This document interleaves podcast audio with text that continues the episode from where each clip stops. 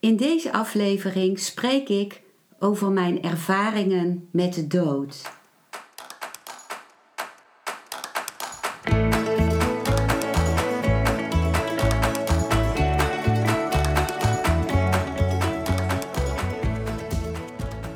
Welkom bij een nieuwe aflevering van Modita's podcast Van Pijn naar Zijn. De podcast waarin ik je meeneem voorbij de pijn in je leven naar wie je diep van binnen bent. Hoe kun je beter omgaan met je gevoelens? Hoe vind je rust in je hoofd? Wat zit er precies achter je pijn? En vooral, hoe kun je steeds meer jezelf zijn? Adem eens diep in en uit. Ik wens je veel luisterplezier.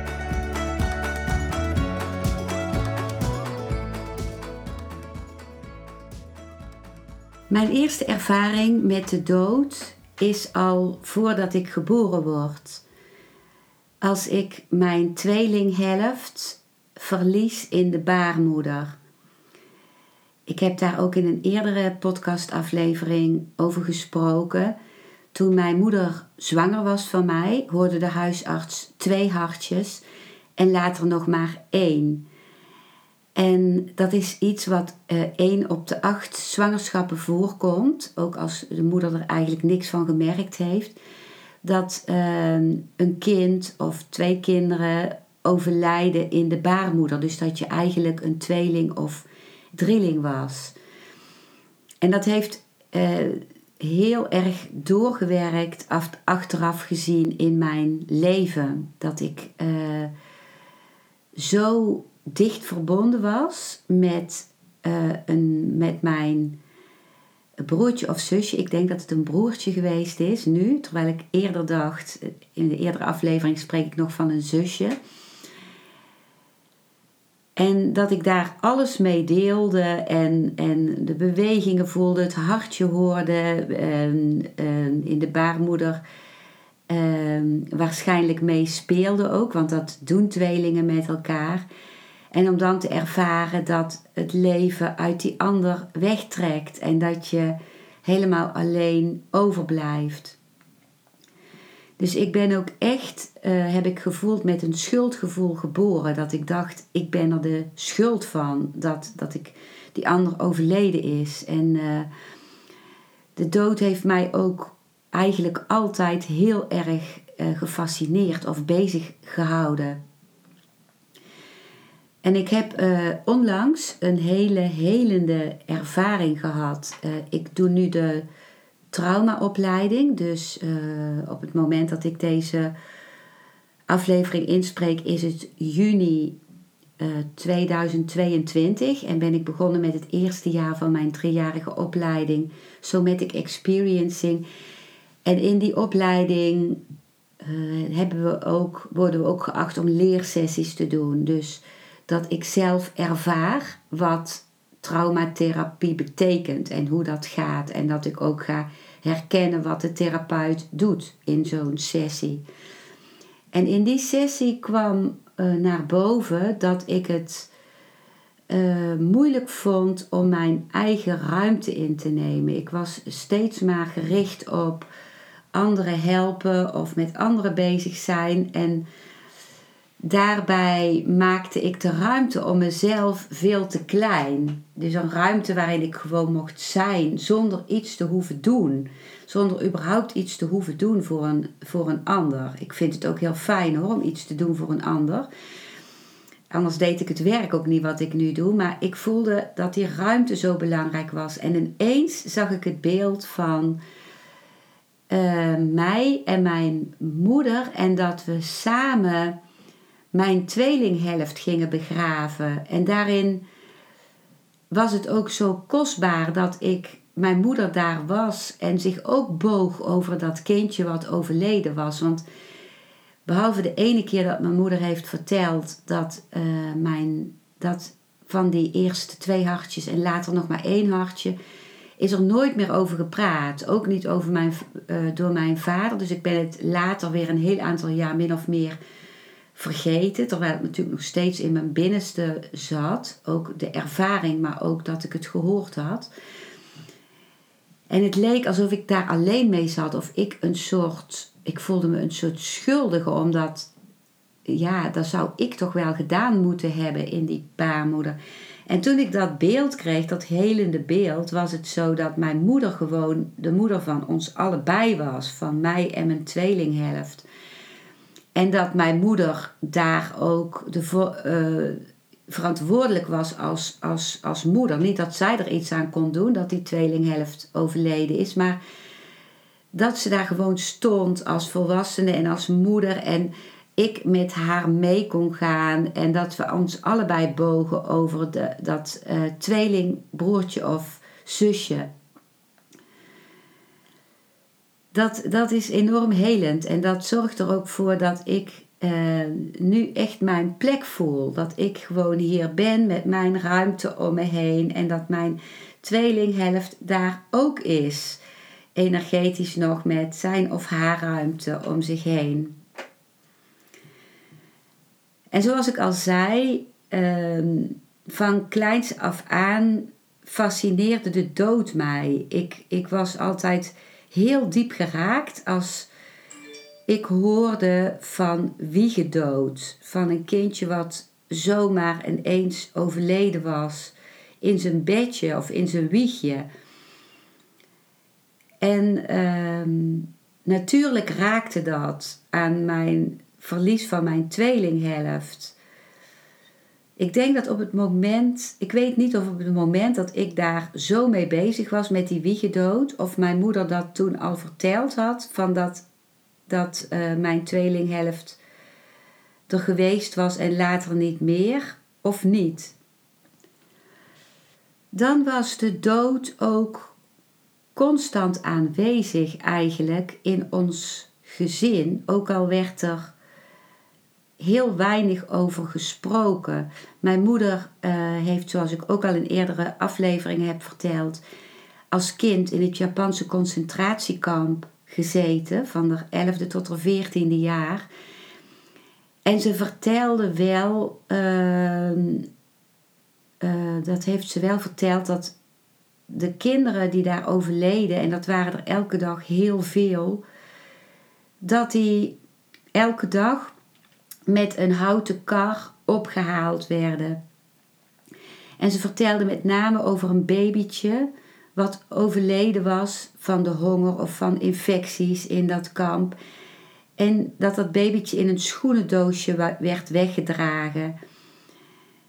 En ehm, ik voelde hoeveel mijn moeder van dat babytje hield. Dus uh, ook al beschermde mijn moeder ons heel erg, ze wilde voor ons een soort hele mooie wereld creëren met sprookjes en met verhalen en met, met eh, Sinterklaas heel uitgebreid. Dus eigenlijk wilden ze ons beschermen tegen de dood of tegen alles wat met dood en, en ellende en geweld te maken had. televisie ging ook meteen uit als er iets met geweld op de televisie kwam. Ehm, maar misschien juist wel omdat er niet over gepraat werd en omdat je het wel kon voelen aan mijn moeder, was de dood als het ware onder de tafel altijd aanwezig. Mijn volgende confrontatie met de dood was toen mijn buurmeisje, of die was mijn buurmeisje geweest, en nu waren we verhuisd, uh, Liesbethje, die was jonger dan ik, uh, leukemie kreeg. En ze kreeg allerlei therapieën daarvoor. Ze werd ook helemaal kaal van de chemotherapie. En mijn moeder ging haar toen uh, lesgeven, omdat zij niet naar school kon. Daar was ze te zwak voor. Dus dan kwam ze bij ons thuis. En ik, ik, ik wilde heel graag dat Liesbetje het overleefde. Dus ik ging van alles voor haar maken. Ik ging spelletjes maken, opdrachten maken waarvan ik dacht die helpen haar. En uh, ik zag dat mijn moeder ook heel erg met haar begaan was. Maar uiteindelijk overleed zij. Ik was toen volgens mij acht jaar en dat was, dat was een hele grote gebeurtenis in mijn leven. Dat zomaar een kind, net als ik zelf ook een kind was, overleed. En ik liep samen met mijn moeder naar het kerkhof, naar het kinderkerkhof, waar Liesbetje begraven werd, zou worden. En ik was heel verdrietig. Ik dacht, ik ga elke dag naar dit kinderkerkhof, zodat Liesbetje zich niet alleen voelt. Dat heb ik volgens mij niet gedaan, omdat dat denk ik toch te zwaar voor mij was. En mijn moeder liep naast mij en die pakte mijn hand en ik voelde dat ik dat niet wilde, omdat ik dan, ik voelde dat mijn moeder ook zoveel pijn bij zich had en dat ik al zo geneigd was om haar pijn over te nemen. Ik wilde alleen zijn met dat verdriet. En toen ik negen jaar was, dus een jaar later, toen werd mijn oma, de, de moeder van mijn vader, heel ziek. En die, uh, die lag op bed en mijn vader ging daar op een gegeven moment naartoe om te waken. Om in de nacht bij haar te zijn. Op toerbeurt deden ze dat. En ik wilde niet weten dat mijn oma dood zou gaan. Dat, dat, dat vond ik zo verschrikkelijk. Dus ik had bij de drogist kregen we altijd als we iets kochten, bijvoorbeeld een grote tube crème, dan kregen we heel vaak nog een klein doosje crème en een klein doosje met uh, een soort monster. Waarbij de drogist natuurlijk hoopte dat we daarna, mijn moeder, uh, een grote tube van zoiets uh, ging kopen. En ik kreeg dan die monsters. Uh, ik denk dat mijn moeder dat verdeelde over mij en mijn zussen. Dus ik had best veel monsters uh, verzameld. En ik dacht, er moet toch zeker wel iets zijn van mijn monsters die mijn oma kan redden. Dus die gaf ik dan allemaal mee aan mijn vader om aan mijn oma te geven. En toen zaten we een keer in de auto en mijn ouders die spraken toen over mijn oma en over de, over de mogelijkheid dat ze zou overlijden. En ik schreeuwde dat ze dat niet mochten zeggen, dat ze daar niet over mochten praten, want ik wilde gewoon niet dat ze doodging. En toen ik toen op een dag tussen de middag naar huis kwam om te eten, toen, toen ging de telefoon en ik, ik vermoedde al dat het een telefoontje was over dat mijn oma overleden zou zijn. Dus ik rende naar de zolder en ik ging met mijn, met mijn vingers in mijn oren op zolder zitten, ook nog met mijn ogen dicht, dat het nieuws mij niet zou kunnen bereiken. Maar het was toch zo. Mijn oma was overleden en ik ging terug naar huis en ik, ik zat in de klas naar het bord te staren. Ik kon alleen maar zien dat de juffrouw iets aan het schrijven was, maar ik kon niet eens lezen. En toen dacht ik, hoe is het mogelijk dat kinderen die hier ook hun oma of opa al uh, verloren hebben, dat die hier gewoon in de klas kunnen zitten? Maar het betekende eigenlijk dat ik gewoon bijna niet in de klas kon zitten met dit verdriet. Met dit onherroepelijke. Dat, dat uh, de, de wereld was niet meer veilig. Dat iemand zomaar kon overlijden. En in hetzelfde jaar was het ook zo dat de juffrouw vertelde dat Sinterklaas niet bestond. Dus dat, dat uh, iemand was geweest uit het verleden. En dus dat stortte ook in. Ook sowieso dat mensen hadden verteld dat Sinterklaas bestond. Volwassen mensen, ook mijn ouders. En dat dat gewoon zoveel jaar vol was gehouden en niet waar meer was. Dus mijn, eigenlijk stortte mijn hele wereld in. En ik heb toen longontsteking gekregen en uiteindelijk een dubbele longontsteking. En uiteindelijk ben ik daarvoor een maand in het ziekenhuis opgenomen. Mijn hele weerstand was naar beneden gedonderd. En ik had ook mijn hele weerstand was zo laag dat ik ook een schimmelinfectie helemaal in mijn mond had gekregen. Dus uh, normale schimmels die in de mond zitten, die, die kon ik gewoon niet meer uh, in toom houden, zeg maar. Dus ik heb ook een week in het infectiepaviljoen gelegen in een glazen hokje alleen. En in feite was dat deep down ook een soort opluchting voor mij. Dat ik gewoon even helemaal los was van alles wat, wat instortte, zeg maar. Ook al hoopte ik elke week dat ik naar huis zou mogen. Later, uh, vanaf mijn zestiende jaar, kreeg ik uh, anorexia, anorexia nervosa. Dus toen ging ik steeds minder eten. Tot ik uiteindelijk nog maar echt heel weinig woog. En mijn hele leven in het kader daarvan stond. En dat was eigenlijk achteraf gezien mijn eerste depressie. En later heb ik nog meer depressies gekregen. En in zo'n depressie dacht ik heel veel na over de dood. Of dan zag ik eigenlijk het leven in het kader van de dood. Ik, ik dacht, uh, ik schreef ook gedichten in die tijd. En ik had ook een gedicht waarin de zin voorkwam: Wat is de zin van alsmaar meer geweest zijn in een wereld die straks geweest is? Ik stelde me dus ook voor dat de zon over een heel groot aantal jaar zal ophouden met schijnen. Want door het schijnen wordt de zon eigenlijk steeds kleiner tot die uiteindelijk verdwijnt. En dan verdwijnt de aarde dus ook. Dus ik dacht sowieso, houd dan alles op hier. En ik schrijf daar ook over in mijn boek uh, Depressie, een opstap naar geluk. Een boek dat ik geschreven heb uh, toen ik definitief uit mijn depressies was gekomen uit dankbaarheid. En uh, ja, daarin schrijf ik ook over hoe ik toen naar de wereld keek. Als mensen, als poppetjes die als marionetten bijna bestuurd worden door de maatschappij en die maar rondbewegen. De, dat poppetje gaat op vakantie, dat heeft weer een nieuw werk, die, die doet dit. Maar ik zag ze gewoon bijna als marionetten daar op de aarde. Uh, en terwijl ik er als het ware boven zweefde en ernaar keek. En ik zag in die tijd ook de aarde als een hele grote dode bol. In mijn depressie zag ik dat zo als een dode bol van steen, helemaal levenloos, met helemaal aan de buitenkant een heel klein randje groen, waar dan nog bomen en planten en zo opgroeiden. Maar voor mij overwoog het dode, die grote klomp steen.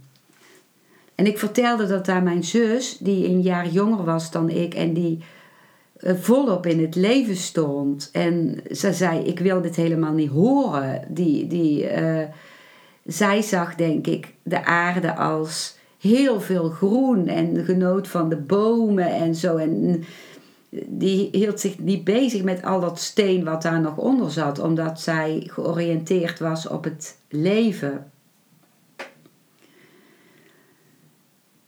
En ik, ik was toen nog niet in contact met Osho, de Oosterse mysticus Osho, die eh, mijn spirituele meester is en die zo mooi vertelt uh, over de dood in relatie tot het leven. Dat er eigenlijk geen dood is. Dat leven en dood ook, ook één zijn. En dat het leven uh, niet eindigt met de dood. Dat, dat, dat het ook niet begint bij onze geboorte, maar dat we al waren. Ja, het is.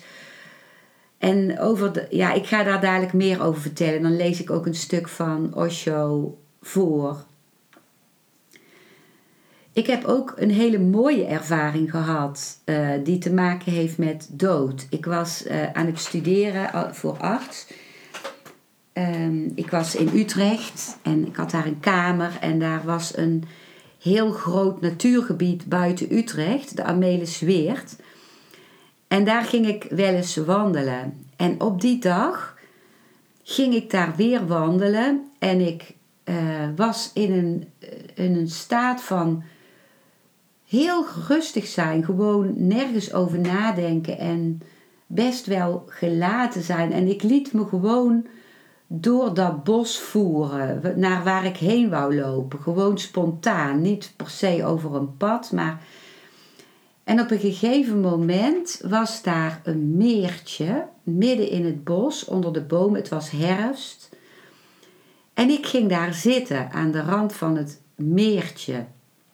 Het was heel stil. En toen viel er een blad vanaf de boom, een geel blad, dwarrelde spiraalgewijs omlaag en viel in dat meer. En dat was een. Ik probeer het nu in woorden uit te drukken. Die ervaring is in, in principe al per definitie niet mogelijk, maar toch doe ik een poging. Het was een, een, een totale overgave van dat blad. Dat blad was dus dood, ging dood, viel naar de aarde, maar het was helemaal op een bepaalde manier niet dood. Het, het was geel, het was mooi, het was totaal in harmonie met het vallen. Zoals het gegroeid had, viel het nu. Het viel op een dansende manier en viel toen in een totale overgave op het watervlak en rustte daar. En het was helemaal ontvangen door het water en één met het water. Nu was het, eerst was het één met de boom, nu was het één met het water. En de zon scheen door de bomen op dat meer, ook op dat blad. En het was in een kegel kwam, dat, kwam die zon daar doorheen.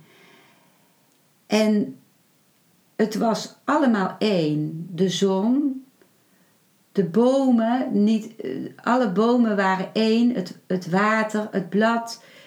En ook toen ik links van me keek, al het oranjeachtige blad wat daar lag op de, op de grond, die vanaf het meer omhoog helde en zich helemaal uitstrekte, de oranje tapijt van bladeren onder de andere bomen, een vogel die er overheen hipte. Die vogel was net zo, leek bijna een, een, een mens. Ik bedoel, eenzelfde wezen als een mens. Met, met een, ik zag de blik van de vogel, ik zag gewoon alles leefde. De bladeren die daar lagen op de grond leefden.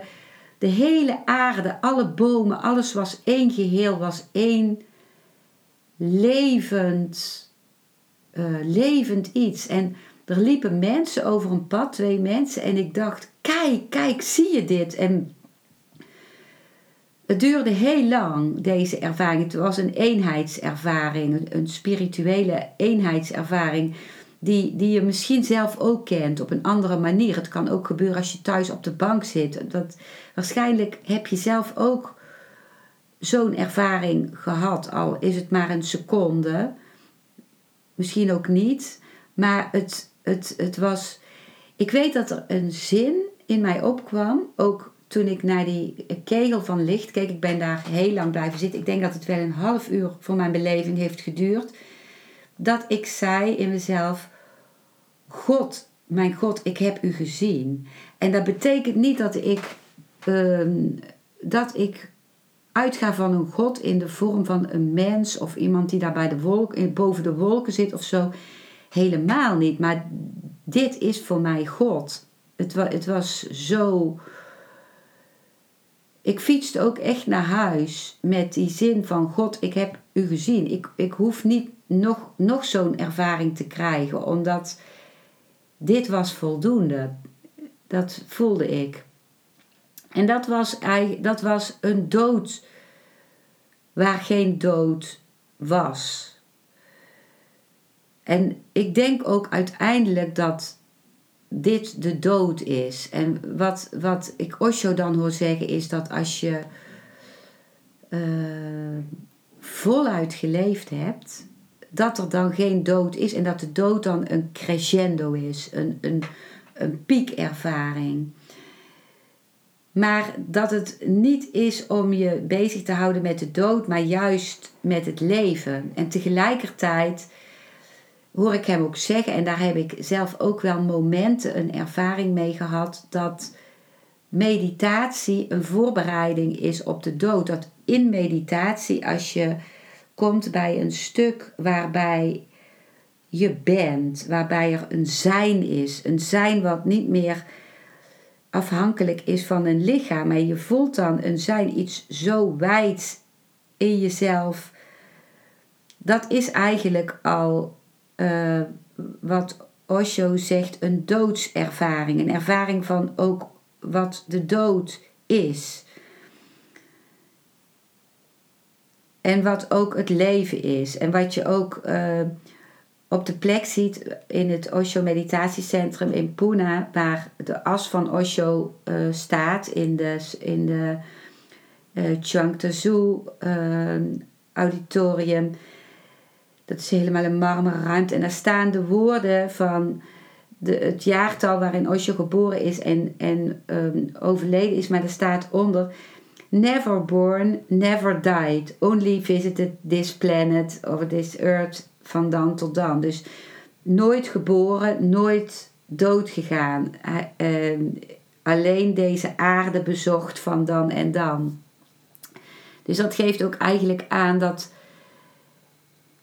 ja, het tijdelijke van het leven, maar dat er iets veel groters is.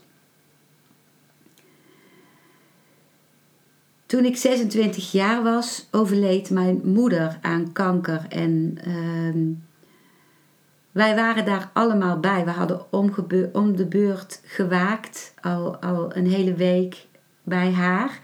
Mijn vader had een belletje gemaakt dat als degene van ons die waakte en de anderen sliepen, want uh, we moesten elkaar afwisselen, anders werden we te moe, dat hij dan belde. En toen ik zag dat mijn moeder zou gaan, heb ik gebeld en waren we allemaal bij haar. En ja, ik, ik ben heel dankbaar dat ik daar samen met mijn zussen en mijn vader bij ben geweest. Toen mijn moeder overging. En ik, ik zag ook dat zij, uh, voordat ze ging, stak ze heel oplettend, ze kon toen niet meer praten, ze stak heel oplettend een vinger omhoog van ze zag.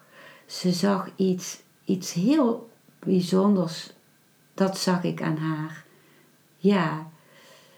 Dus ik ben heel dankbaar voor dat ik bij haar overlijden heb mogen zijn.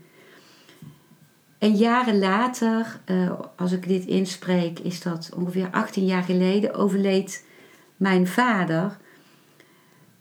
En ook daar was ik bij. En ik voelde dat hij een hele bewuste dood uh, stierf. Ook al was hij volgens de neuroloog in coma. Hij had een hersenbloeding of herseninfarct gehad. En hij heeft mij nog aangekeken, heel intens. En toen uh, sloot hij zijn ogen en was hij volgens de neuroloog in coma. Maar ik voelde dat mijn vader al die tijd heel erg aanwezig was, heel bewust aanwezig was.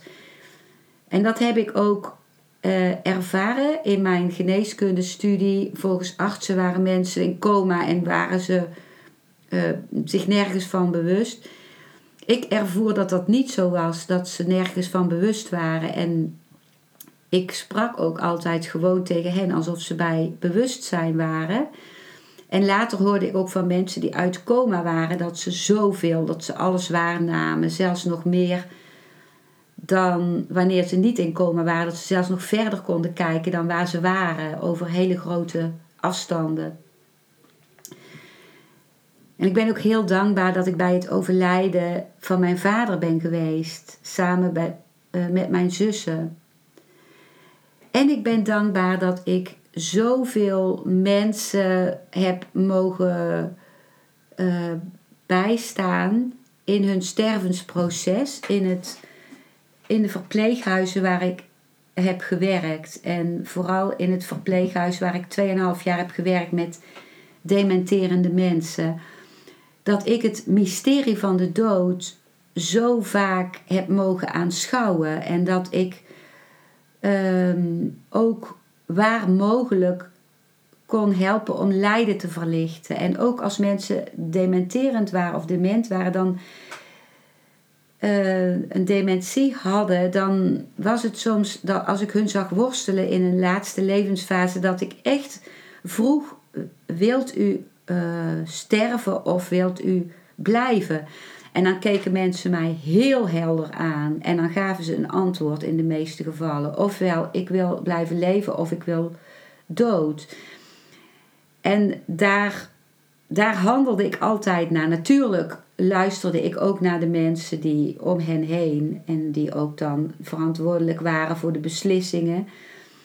Maar dan vertelde ik ook altijd dat moment dat ik met iemand zelf had gehad waarin ik die vraag stelde. En dat werd ook door de mensen van uh, de familieleden vaak als een heel belangrijk moment gezien. En ik zag zonder uitzondering bijna altijd dat iemand op het moment van overlijden in zo'n licht kwam en dat er zo'n vredige blik over iemand heen kwam. Dat was ook toen mijn moeder overleed. Zij werd ineens, ze was door de chemotherapie steeds ouder geworden. En toen ze overleed, rondom haar overleden, werd ze ineens zo jong. Bijna als een pasgeboren baby, zo jong. En dat zag ik ook bij mensen, dat ze in een vrede kwamen. En dat vaak het, het grootste struikelblok was, wat ik ook heel goed kan begrijpen, de angst voor de dood. En soms heb ik daar ook medicijnen, of vaak heb ik daar ook medicijnen voor gegeven, als mensen dat wilden, om die angst weg te nemen. En dan konden ze vaak uh, overlijden. En vaak hoorde ik ook van mensen dat ze al iemand zagen die overleden was, die op hen wachtte. En ik heb dus ook ervaringen gehoord van mensen die bijna doodervaring hadden. Ook in het Osho Meditatiecentrum in Pune. Uh, Sam, dat was iemand die, die al heel oud was toen hij uiteindelijk uh, echt overleden was. Was hij 85. Maar die had zo ongeveer op middelbare leeftijd al heel veel hartinfarcten. Hij had toen een hele drukke baan volgens mij. En hij had het ene hartinfarct na het andere. En uh, hij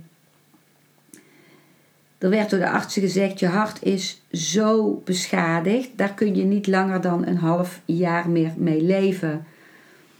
En hij is toen naar, uh, volgens mij naar Hawaii gegaan. Hij heeft aan het strand gelegen, hij heeft gedanst, hij heeft gemediteerd. Hij kwam ook in contact met Osho en hij werd gewoon weer zo gezond. En ik zag hem altijd in Pune in het meditatiecentrum de meditaties leiden, waarbij je ook wervelt rondom je as. En had hij een hoge hoed op en, en zo wijdse rokken van een dansende derwish. En hij, hij tenniste, dat was tennis als meditatie, zennis heette dat toen.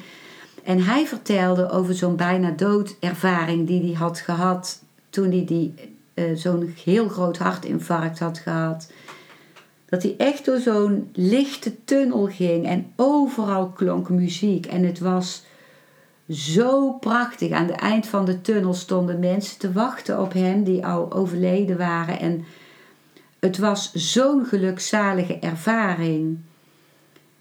En op een gegeven moment hoorde of voelde hij iets van iemand die zei: Het is je tijd nog niet. En toen is hij teruggekomen. En hij zei vanaf dat moment was hij niet meer bang voor de dood. Eh, hij, hij, hij voelde van, ik wil feest vieren. Hij wou ook snoep uitdelen als hij dood was of zo. Hij wou gewoon dan feest vieren. En in mijn studie tot arts was ik ook heel veel bezig met de dood. Op een of andere manier kwam ik in mijn stageperiodes altijd op oncologieafdelingen, dus mens, van mensen met kanker.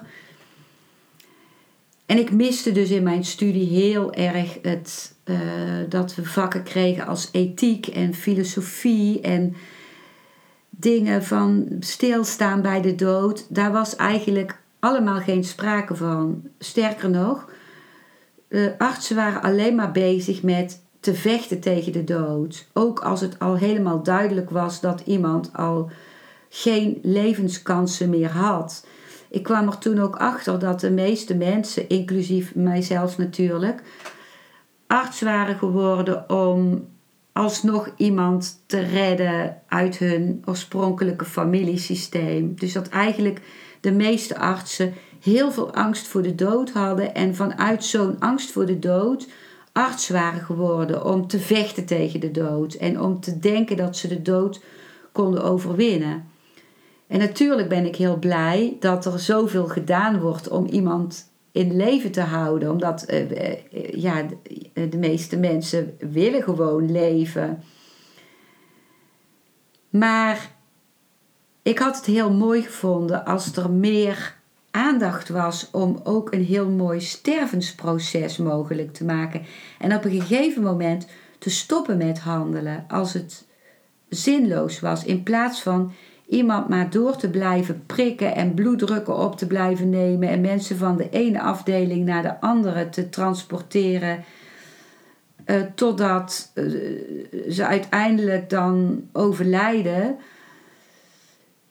Zonder dat de familie kans heeft gehad ook en de persoon zelf om, om heel veel tijd te nemen voor het afscheid en het, het, het gewoon er zijn. Met, met mooie bloemen of met muziek of met in stilte of uh, door handen vast te houden. Ik heb echt meegemaakt dat bijvoorbeeld een man, toen ik mijn kooschappen deed, uh, dus in opleiding tot arts, dat hij uh, nieren hadden die zo geïnfecteerd waren, met helemaal vol pus. En die man die ging gewoon sterven. Dus de familie zat helemaal om hem heen, om hem eigenlijk in, een hele mooie kring. En toen werd er alsnog een ECG gemaakt en bleek dat die man een hartinfarct had. En toen durfde de internist het niet aan dat, dat hij dan iemand dood had laten gaan die eigenlijk op de cardiologie had moeten liggen, omdat hij iets aan zijn hart had. Dus die man werd nog helemaal weer naar een andere afdeling gereden. De, de mensen wisten niet meer waar hij was, eh, de familie. En die man wist helemaal niet wat er gebeurde. En ik schaamde me echt plaatsvervangend dat dat gebeurde. Dus eh, toen ik in het verpleeghuis werkte, als mensen overleden, dan probeerde ik een zo, een zo rustig mogelijke omgeving te creëren waar ook plek was voor, uh, ook voor de, de rouw en het doordringen van, van het, het, het naderende einde van het, van, voor de familieleden. Dat ze, dat ze dat konden beseffen en dat ze nog konden doen voor iemand wat ze nog wilden doen. Dat ze nog konden zeggen wat ze wilden zeggen. En uh, ik voel mezelf echt bevoorrecht dat ik daar bij mocht zijn. En het leerde mij, het gaf mij heel veel ook voor mijn eigen leven om zo vaak in contact te mogen zijn met de dood, met het mysterie van de dood. Dit was niet meer mijn beeld wat ik had van de dood toen ik me voorstelde dat de aarde een dode klomp was en de mensen allemaal marionetten. Maar dit was echt een, een bezielde bezig zijn, bezield bezig zijn met de dood.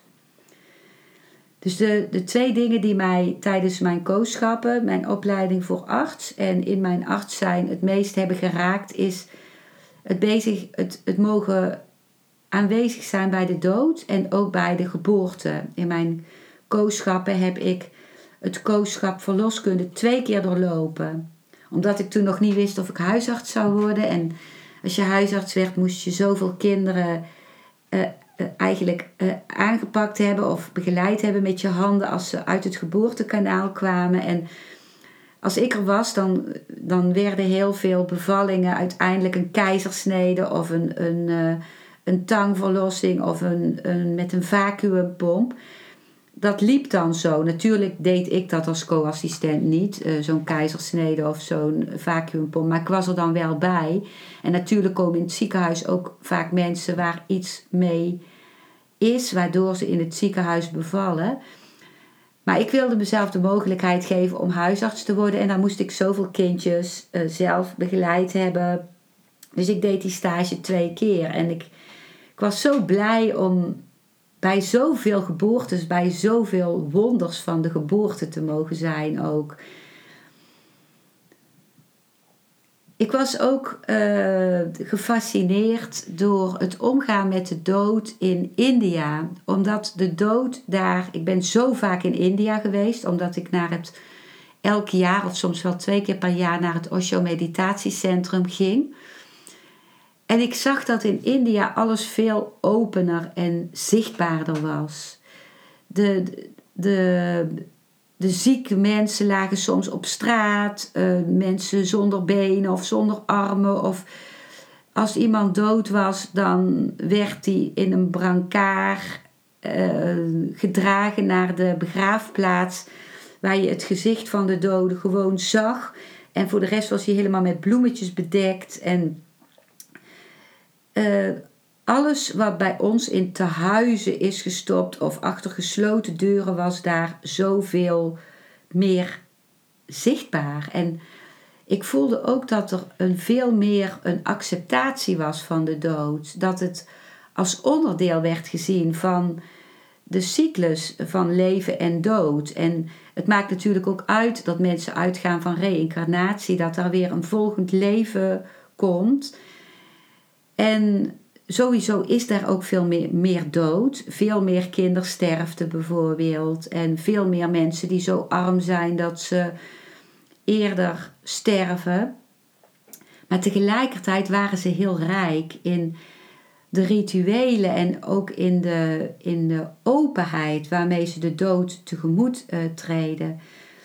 Toen de moeder van mijn Indiaanse geliefde uh, overleed, toen ben ik meteen met het vliegtuig daar naartoe gegaan. En uh, ik had er spijt van dat ik niet eerder was gegaan toen ze nog leefde. ook al heb ik haar ook twee keer ontmoet. Toen ze leefde, ben ik naar haar huis gegaan. Maar ik was dus pas na haar dood daar. En mijn Indiase geliefde was er ook, natuurlijk, haar zoon. En toen uh, was zij al gecremeerd op de begraafplaats. En dat, uh, dat gebeurt nog dezelfde avond in India, voor zonsondergang. En twee dagen later zijn we daarheen gegaan met een heel ritueel. Om daar bloemen neer te leggen, om daar uh, boter, ghee, dat is ook een soort vruchtbaarheidssymbool of welvaartssymbool, neer, neer te leggen. Om wierook op die plek waar de as nog smeulde van de moeder. En toen werd alle as, ik vond het ook zo uh, moedig dat mijn Indiaanse vriend dat deed, werd bij elkaar gehaald, veegden we bij elkaar. En dan zag je gewoon ook de, de botten van de moeder nog in die as. Ik, dat was zo'n directe confrontatie met de dood. En met het ook echt uh, aanraken van, van de overblijfselen van het lichaam.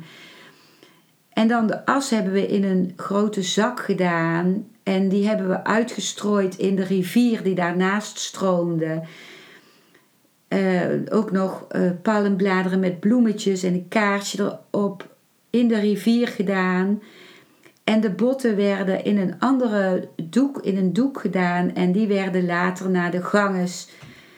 Heeft mijn vriend en zijn broers en zussen hebben dat naar de ganges, de heilige rivier, gebracht. Om daarin Ehm, aan die rivier te geven. Dat heeft me heel diep geraakt. Heel diep. Dat, uh, dat is zoiets anders dan bij ons in een gesloten kist. En ook in het crematorium, dat je er dan niet nog bij bent als de kist verbrandt. Ik had toen mijn moeder overleed gewild dat het zo was in India. Dat het lichaam daar dan buiten neer wordt gelegd en eromheen allemaal hout en, en ook gedroogde koeienflatten, uh, allemaal brandbaar materiaal en daar olie overheen wordt gegooid en dan in brand wordt gestoken. En dat je daar dan zelf bij bent. Dat je op een gegeven moment uh, erbij bent als het lichaam de, de vlam vat en ik heb daar ook echt gevoeld in India dat dan ehm,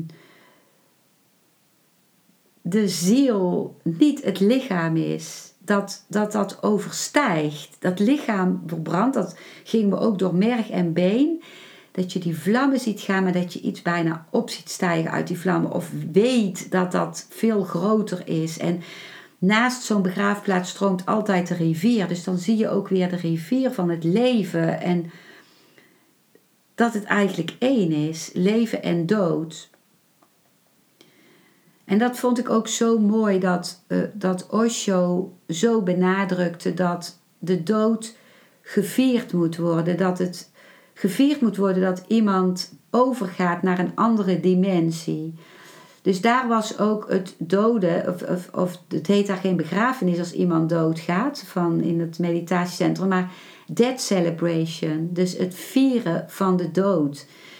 Dus dan wordt ook iemand op een brancard gelegd en met helemaal met bloemetjes overdekt. En het gezicht zie je nog. En die brancard wordt in de meditatiehal gebracht. En dan is er dansen en muziek. En dan uh, zingen we bijvoorbeeld ook het lied wat ik zo mooi vind van het, het universum zingt een lied. Dat is een lied wat ik zo mooi vind. Dat is, uh, ik zal het zingen.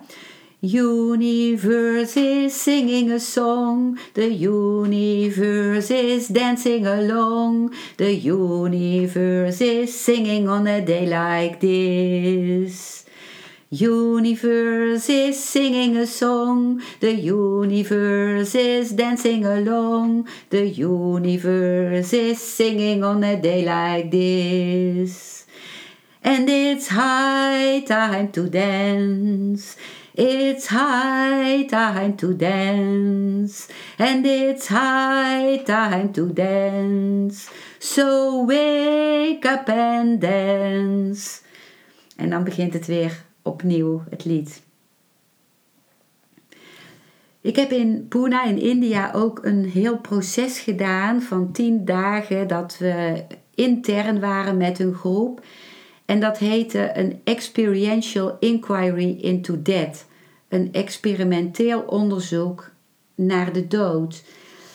En dat was een proces zo intens waar je je eigen stervensproces doorgaat. Natuurlijk is dat niet helemaal zo precies zoals wanneer je ook zelf zult sterven, maar met alle dingen die te maken hadden met het, het afscheid van je lichaam, van anderen, het heel diep voelen in de dood. Het voelen hoe je lichaam verzwakt. Dat je uiteindelijk niet meer zelf kunt eten. Het was uh, een. Ik mag niet alles van de inhoud uh, vertellen, maar het was zo'n intense ervaring. Die mij heel erg geholpen heeft ook bij het, het leven, het vieren van het leven juist. En het, het uh, ja, ook het, echt het onder ogen zien van de dood. Het ook onder ogen zien van dat ik zelf echt alleen ga. En hoe intens dat is. Ik heb dat ook gevoeld bij mijn moeder. Dat ze eigenlijk al afscheid had genomen van ons, mij en mijn zussen, voordat ze overleed. En later las ik ook in een heel mooi boek. Uh, uh, wat over overlijden ging. Dat iemand die overlijdt, dat het zo moest zijn dat de lijntjes met de hele geliefde mensen om haar heen doorgeknipt moesten worden, omdat ze anders niet kon gaan. Dat is ook denk ik waarom iemand vaak alleen overlijdt, zonder dat de geliefde mensen erbij zijn, omdat je anders gewoon niet kunt gaan. En ik zag dat ook toen ik arts was, dat de, de, de familieleden er steeds waren. En juist als mensen naar de wc waren of zo, dan overleed iemand juist. Ik lees nou de tekst waarvan ik beloofde die voor te lezen van Osho voor. Uh, een tekst die gaat over de dood. Osho heeft daar heel veel over gesproken. En die, uh, die komt uit het boek um, Meditatie, de eerste en laatste vrijheid. Dat is een boek waarin woorden van Osho zijn opgeschreven. En het mooie is dat het een stuk is over oefeningen die je zelf kunt doen om iets van de dood te ervaren. Het eerste subhoofdstukje heet Ervaar doodgaan. Als een roos s'avonds aan het verdwijnen is, zijn bloemblaadjes afvallen, ga er dan bij zitten en mediteer. Voel jezelf als een bloem terwijl je blaadjes afvallen. Wanneer vroeg in de ochtend de zon opkomt en de sterren verdwijnen, voel jezelf dan samen met alle sterren verdwijnen. En wanneer de zon is opgekomen en de dauwdruppels op de grasprietjes beginnen te verdwijnen, Voel jezelf dan net zoals de dauwdruppels verdwijnen. Voel het doodgaan op zoveel mogelijk manieren. Krijg een geweldige ervaring in doodgaan. Het tweede hoofdstukje is Laat de dood op een diepe rust lijken. Shiva zegt: Concentreer je op vuur dat vanaf je tenen door je lichaam omhoog komt, tot het lichaam tot as vergaat, maar jij niet. Wanneer je sterft kun je niet inademen. De laatste daad kan geen inademing zijn. De laatste daad is uitademing. De eerste daad is in te ademen en de laatste is uit te ademen. Inademen is geboorte en uitademen is doodgaan. Maar elk moment doe je beide. Inademen, uitademen. Inademing is leven, uitademing is sterven. Misschien heb je het niet gemerkt, maar probeer het te observeren. Wanneer je uitademt, ben je vrediger. Adem diep uit en dan voel je van binnen een zekere vrede. Telkens wanneer je inademt, word je van binnen hyper, word je gespannen. De intensiteit van inademing zelf creëert een loslaten en doodgaan en overlijden een spanning. En de enorme, gangbare nadruk ligt altijd op inademing. Als ik je zeg diep adem te halen, begin je altijd met in te ademen. We zijn echt bang voor uitademing. Daarom is ademhaling oppervlakkig geworden. Je ademt nooit uit. Je blijft inademen. Enkel het lichaam blijft uitademen, omdat het lichaam niet kan leven met enkel inademen. Het heeft zowel leven als dood nodig. Probeer maar eens het volgende experiment. Telkens wanneer je er in de loop van de dag aan denkt, adem dan diep uit en adem niet in. Laat het lichaam inademen. Jij ademt eenvoudig diep uit. En dan krijg je een intens gevoel van vrede. Want dood is vrede. Dood is stilte. En als je let op je uitademing, er meer op let, voel je je vrij van het ego. Met inademing voel je je egoïstischer. Met uitademing voel je je vrijer van je ego. Besteed meer aandacht aan uitademing. Telkens wanneer je er in de loop van de dag aan denkt, adem dan diep uit en adem niet in. Laat het lichaam inademen. Doe zelf niets. De nadruk op uitademing helpt je enorm bij dit experiment, omdat je bereid bent te sterven. En bereidheid is nodig, anders is de techniek van weinig nut. En je kunt er alleen maar klaar voor zijn als je de dood op een bepaalde manier hebt geproefd. Adem diep uit en je krijgt er een voorproefje van. Het is schitterend. De dood is gewoon mooi, omdat er niets vergelijkbaars met de dood bestaat. Zo stil, zo ontspannen, zo kalm, zo onverstoord. Maar we zijn bang voor de dood. En waarom zijn we bang voor de dood? Waarom bestaat er zoveel angst voor de dood?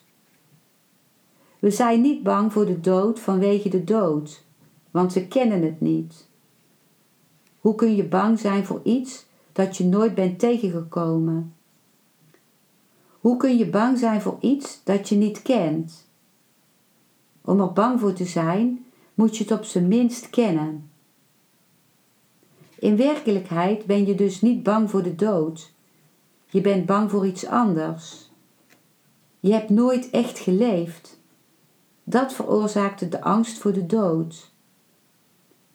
Je wordt bang omdat je niet leeft. Dus ben je bang. Ik heb nog niet geleefd. En als de dood komt, wat dan?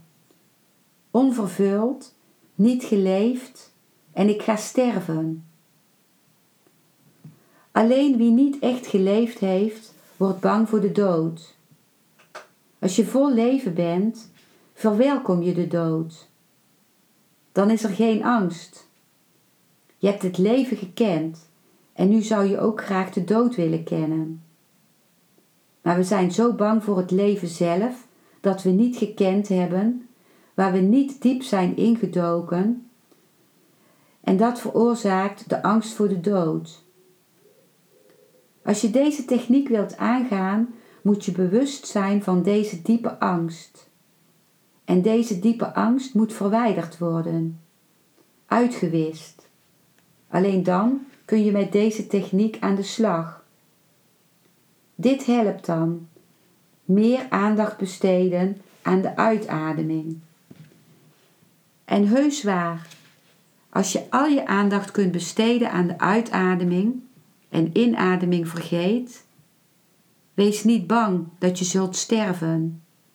Je gaat niet dood. Het lichaam ademt zelf in.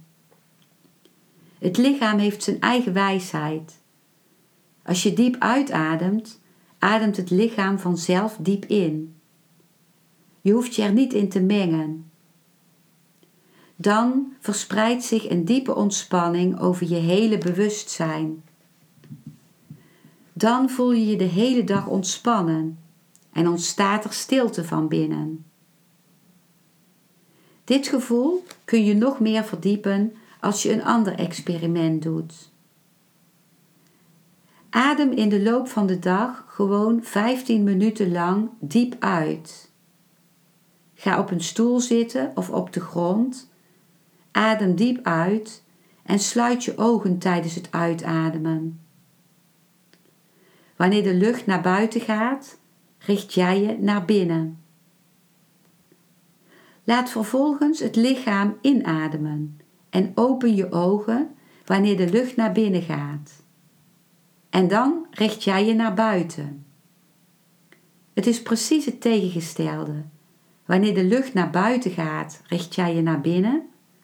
Wanneer de lucht naar binnen gaat, richt jij je naar buiten. Wanneer je uitademt, wordt binnenin je ruimte gecreëerd. Want adem is leven. Wanneer je diep uitademt, ben je leeg. Het leven is eruit gegaan. In zekere zin ben je dood. Een moment lang ben je dood. Ga in die stilte van de dood naar binnen. De lucht gaat naar buiten. Sluit je ogen en ga naar binnen. De ruimte is er en je kunt je gemakkelijk bewegen. Doe dit voordat je de techniek gaat doen, 15 minuten lang, zodat je er klaar voor bent. En er niet alleen klaar voor, maar verwelkomend, ontvankelijk. Dan is er geen angst voor de dood, omdat de dood nu ontspanning schijnt. De dood een diepe rust schijnt. De dood schijnt niet tegengesteld aan het leven, maar als er de bron zelf van, als de absolute energie ervan. Het leven is net als rimpels op het oppervlak van een meer, waarbij de dood het meer is. Wanneer er geen rimpels zijn, is het meer er wel. En het meer kan zonder de rimpelingen bestaan, maar de rimpelingen kunnen niet bestaan zonder het meer. Het leven kan niet zonder de dood. De dood kan wel bestaan zonder het leven, want, het, want hij is de bron. Dan kun je deze techniek doen. Concentreer je op vuur dat vanaf je tenen door je lichaam omhoog komt. Ga gewoon liggen. Stel je eerst voor dat je dood bent. Het lichaam is net een lijk. Ga liggen en richt dan je aandacht op de tenen. Ga met gesloten ogen naar binnen. Breng je aandacht naar de tenen en voel dat het vuur vandaar omhoog komt en alles verbrand wordt. Naarmate het vuur hoger komt, verdwijnt je lichaam. Begin bij de tenen en ga omhoog. Waarom bij de tenen beginnen? Het is gemakkelijker, omdat de tenen heel ver van je ik verwijderd zijn, van je ego. Je ego zit in het hoofd. Je kunt niet bij het hoofd beginnen. Dat zou erg moeilijk zijn. Dus begin bij het punt dat ver afgelegen is. De tenen zijn het punt dat, er, dat het allerverst van het ego verwijderd is. Begin daar met het vuur. Voel dat de tenen verbrand worden, dat enkel as overblijft. En ga dan langzaam verder, waarbij alles dat het vuur tegenkomt verbrandt. Elk lichaamsdeel, de benen, de dijen, verdwijnt. Blijf gewoon zien dat alles as wordt. Het vuur komt omhoog en de lichaamsdelen waar het langs kwam zijn er niet meer. Ze zijn as geworden. Ga verder omhoog en als laatste verdwijnt het hoofd. Alles is geworden tot. Stof is tot stof geworden. Tot het lichaam tot as vergaat maar jij niet. Jij blijft enkel een wachter op de heuvel. Het lichaam is er, dood, verbrand, as. En jij bent de wachter, de getuige. Deze getuige heeft geen ego. Dat waren de woorden van Osho. Ik wil nog één verhaal vertellen wat ik ook van Osho gehoord heb van een zenmeester die ging overlijden. En de leerlingen komen dan rondom die zenmeester en die willen dan nog horen wat zijn laatste woorden zijn die hij nog mee wil geven. En de zenmeester was daar en een van zijn leerlingen die wist, die rende weg en die kwam terug met de lievelingscake van die meester. En de anderen keken naar hem van wat is hij in godsnaam aan het doen om met een cake aan te komen zetten op dit moment. Maar de meester opende zijn woorden en nam een hapje van die cake en zijn laatste woorden waren wat is die cake lekker. En dat benadrukt weer van tot het einde leven als een, een toorts, een levenstoorts die brandt. Dat, dat heb ik van Osho meegekregen. Het zijn van een levenstoorts die brandt van beide kanten tegelijkertijd. Ik hoor vaak mensen zeggen dat ze in hun slaap zouden willen overlijden zonder dat ze uh, waarnemen dat ze doodgaan. Ik zou dat zelf helemaal niet willen. Ik zou het, ik zou het dat moment niet willen missen. Ik zou dat ten diepste willen ervaren. Ik zeg niet dat ik ook geen angst ken, eh, nog steeds, bij uh, dat ik ook uh, angst tegenkom. Er zijn ook momenten dat ik die niet ervaar. Dat zijn juist momenten wanneer ik heel gelukkig ben. Misschien ken je dat zelf ook, dat je denkt dat je zo gelukkig bent dat je denkt: nu zou ik kunnen sterven. Maar ik zou heel graag mijn sterven bewust meemaken. Dit is waar ik deze aflevering mee wil eindigen. Dankjewel voor het luisteren naar deze aflevering. Ik hoop dat hij je een nieuw inzicht of perspectief heeft gegeven. Ik hou van interactie, dus als je iets wilt delen, stuur me dan een mailtje op info.genietenvanmeditatie.nl. Ik geef je dan altijd antwoord. Ik wens jou dat je vreugde in het dagelijks leven zult ervaren en innerlijke rust. En dat je steeds meer je pijn zult kunnen omvormen in zijn. Je kunt de afleveringen van deze podcast volgen via Spotify, Google Podcast, Apple Podcast en Podbean door op de volg- of abonneerknop te klikken. Als je luistert via de Apple Podcast, dat kan alleen als je een iPhone hebt, heb je een extra voordeel. Omdat als je op de knop abonneren klikt, je steeds een berichtje op je mobiele telefoon ontvangt als er weer een volgende aflevering van mijn podcast verschijnt. Je bent van harte welkom bij die volgende aflevering.